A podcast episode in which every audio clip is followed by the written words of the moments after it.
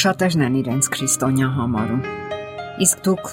այն կարծիքին եք, որ ընդունել եք Քրիստոսին որպես ձեր անձնական փրկիչ։ Եվ ինչ է քրիստոնեությունը ձեզ համար։ Ավանդություն, մշակույթ, թե պարզապես բարոյականություն։ Իսկ միգուցե այն Աստծո կանչն է ուղված մեզ, կամ Աստծո ցանկությունը իր մոլորված զավակների հետ շփվելու եւ ցույց տալու, որ նա մեր ուսուցիչն է եւ մեր Տերը։ Երկրի վրա իր առաքելության ժամանակ Հիսուսն ասաց. Ձեր ուսուցիչը մեկն է, Քրիստոսը, իսկ դուք բոլորդ եղբայրներ եք։ Եկեք մտորենք այս մասին։ Երբ է ճշմարտապես դրսևորվում քրիստոնեությունը։ Երբ մեր եւ Աստծո կամքը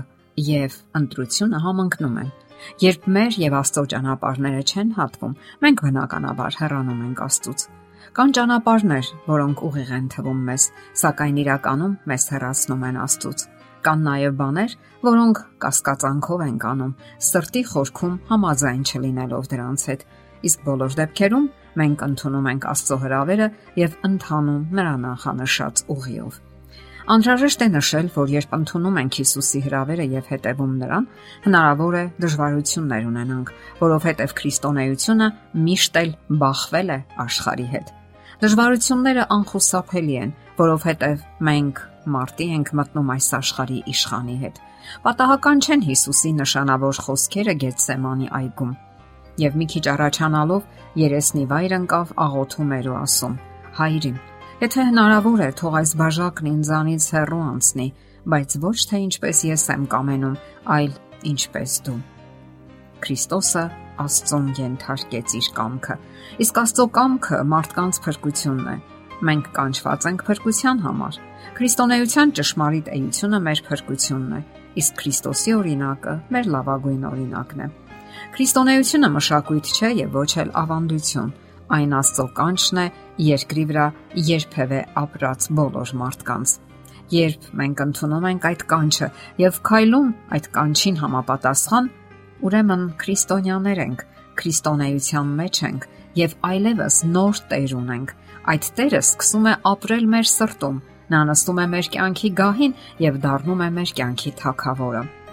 Դրանից հետո նրա կամքը դառնում է հիմնական ու անբեկանելի։ Դրանից հետո Աստված մեզ աղոթքի կոչ է անում, հravirում է ուսումնասիրել իր խոսքը եւ խիզախության ու անznազող կյանքի է կոչում մեզ։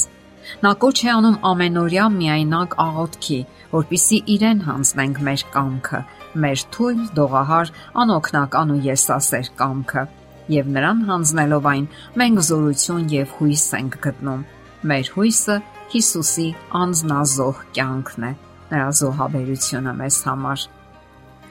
Եվ այն ամենայնիվ հենց այս պայմաններում պետք է մենք ընթորինակենք Հիսուսին, մեր կամքը հանձնենք նրա Աստվածային մեծ կամքին եւ ընդունենք նրա հրավերը։ Նա դիմացավ բոլոր անարգանքներին ու դաժան մահվանը հանուն մեզ, եւ մենք դեռ կասկածում ենք նրա սիրուն եւ իմաստությանը։ Իհարկե կան մարդիկ, որ երբեք էլ չեն ընդունել Հիսուսին եւ նրա ճշմարտությունները։ Նրանք ունեն այդ ազատությունը։ Իսկ մենք ինչ եք կարծում։ Աստվածաշնչից կարդանք հետեւյալ տողերը։ Այդ ժամանակ թքեցին նրա երեսին եւ բռունցքներով հարվածեցին նրան։ Ոմանք էլ նրան ապտակեցին ասելով. Մարգարեացիր մեզ Քրիստոս, ով է նա, որ հարվածեց քեզ։ Դուք պատկերացնում եք նման բան։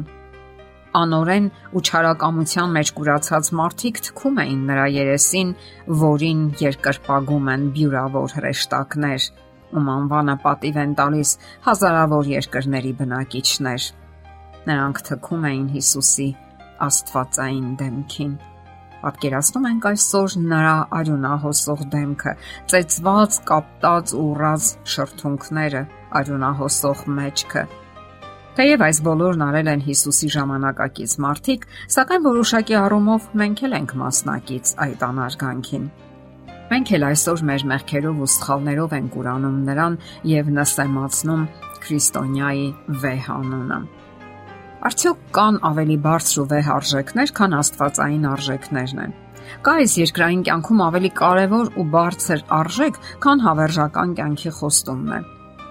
Եկեք հենց այսօր վայր դնենք մեր զենքերը։ Հպարտությունն ու ինքնասիրությունը։ Եկեք ուրախացնենք նրան։ Մենք կարող ենք նայել նրա արնաշաղախ դեմքին եւ ընդունելով նրա հրավերն ասել. Տեր, հանձնվում եմ քեզ։ Քեզ եմ հանձնում այն ամենը, ինչ ունեմ։ Ես այլևս չեմ ցանկանում վիշտ ու տխրություն պատճառել քեզ։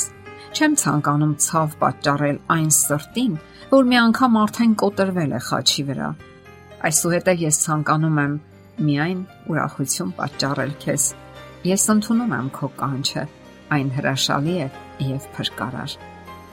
Եվ դա յուրաքանչյուրս կարող ենք անել հենց հիմա։ Կարող ենք ընտրել եւ ընդունել Հիսուսի առաջարկած կյանքը եւ հավերժություն տանող ճանապարհը։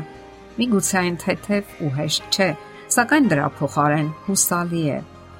Ընթունեք այսօր Քրիստոսի հրավերը, որովհետեւ վաղը կարող է ուշ լինել։ Շատ մարդկանց համար այդ վաղը այդպես էլ չի գալու։ Եթերում է ղողանջ հավերժության հաղորդաշարը։ Հարցերի եւ առաջարկությունների համար զանգահարել 033 87 87 87 հեռախոսահամարով։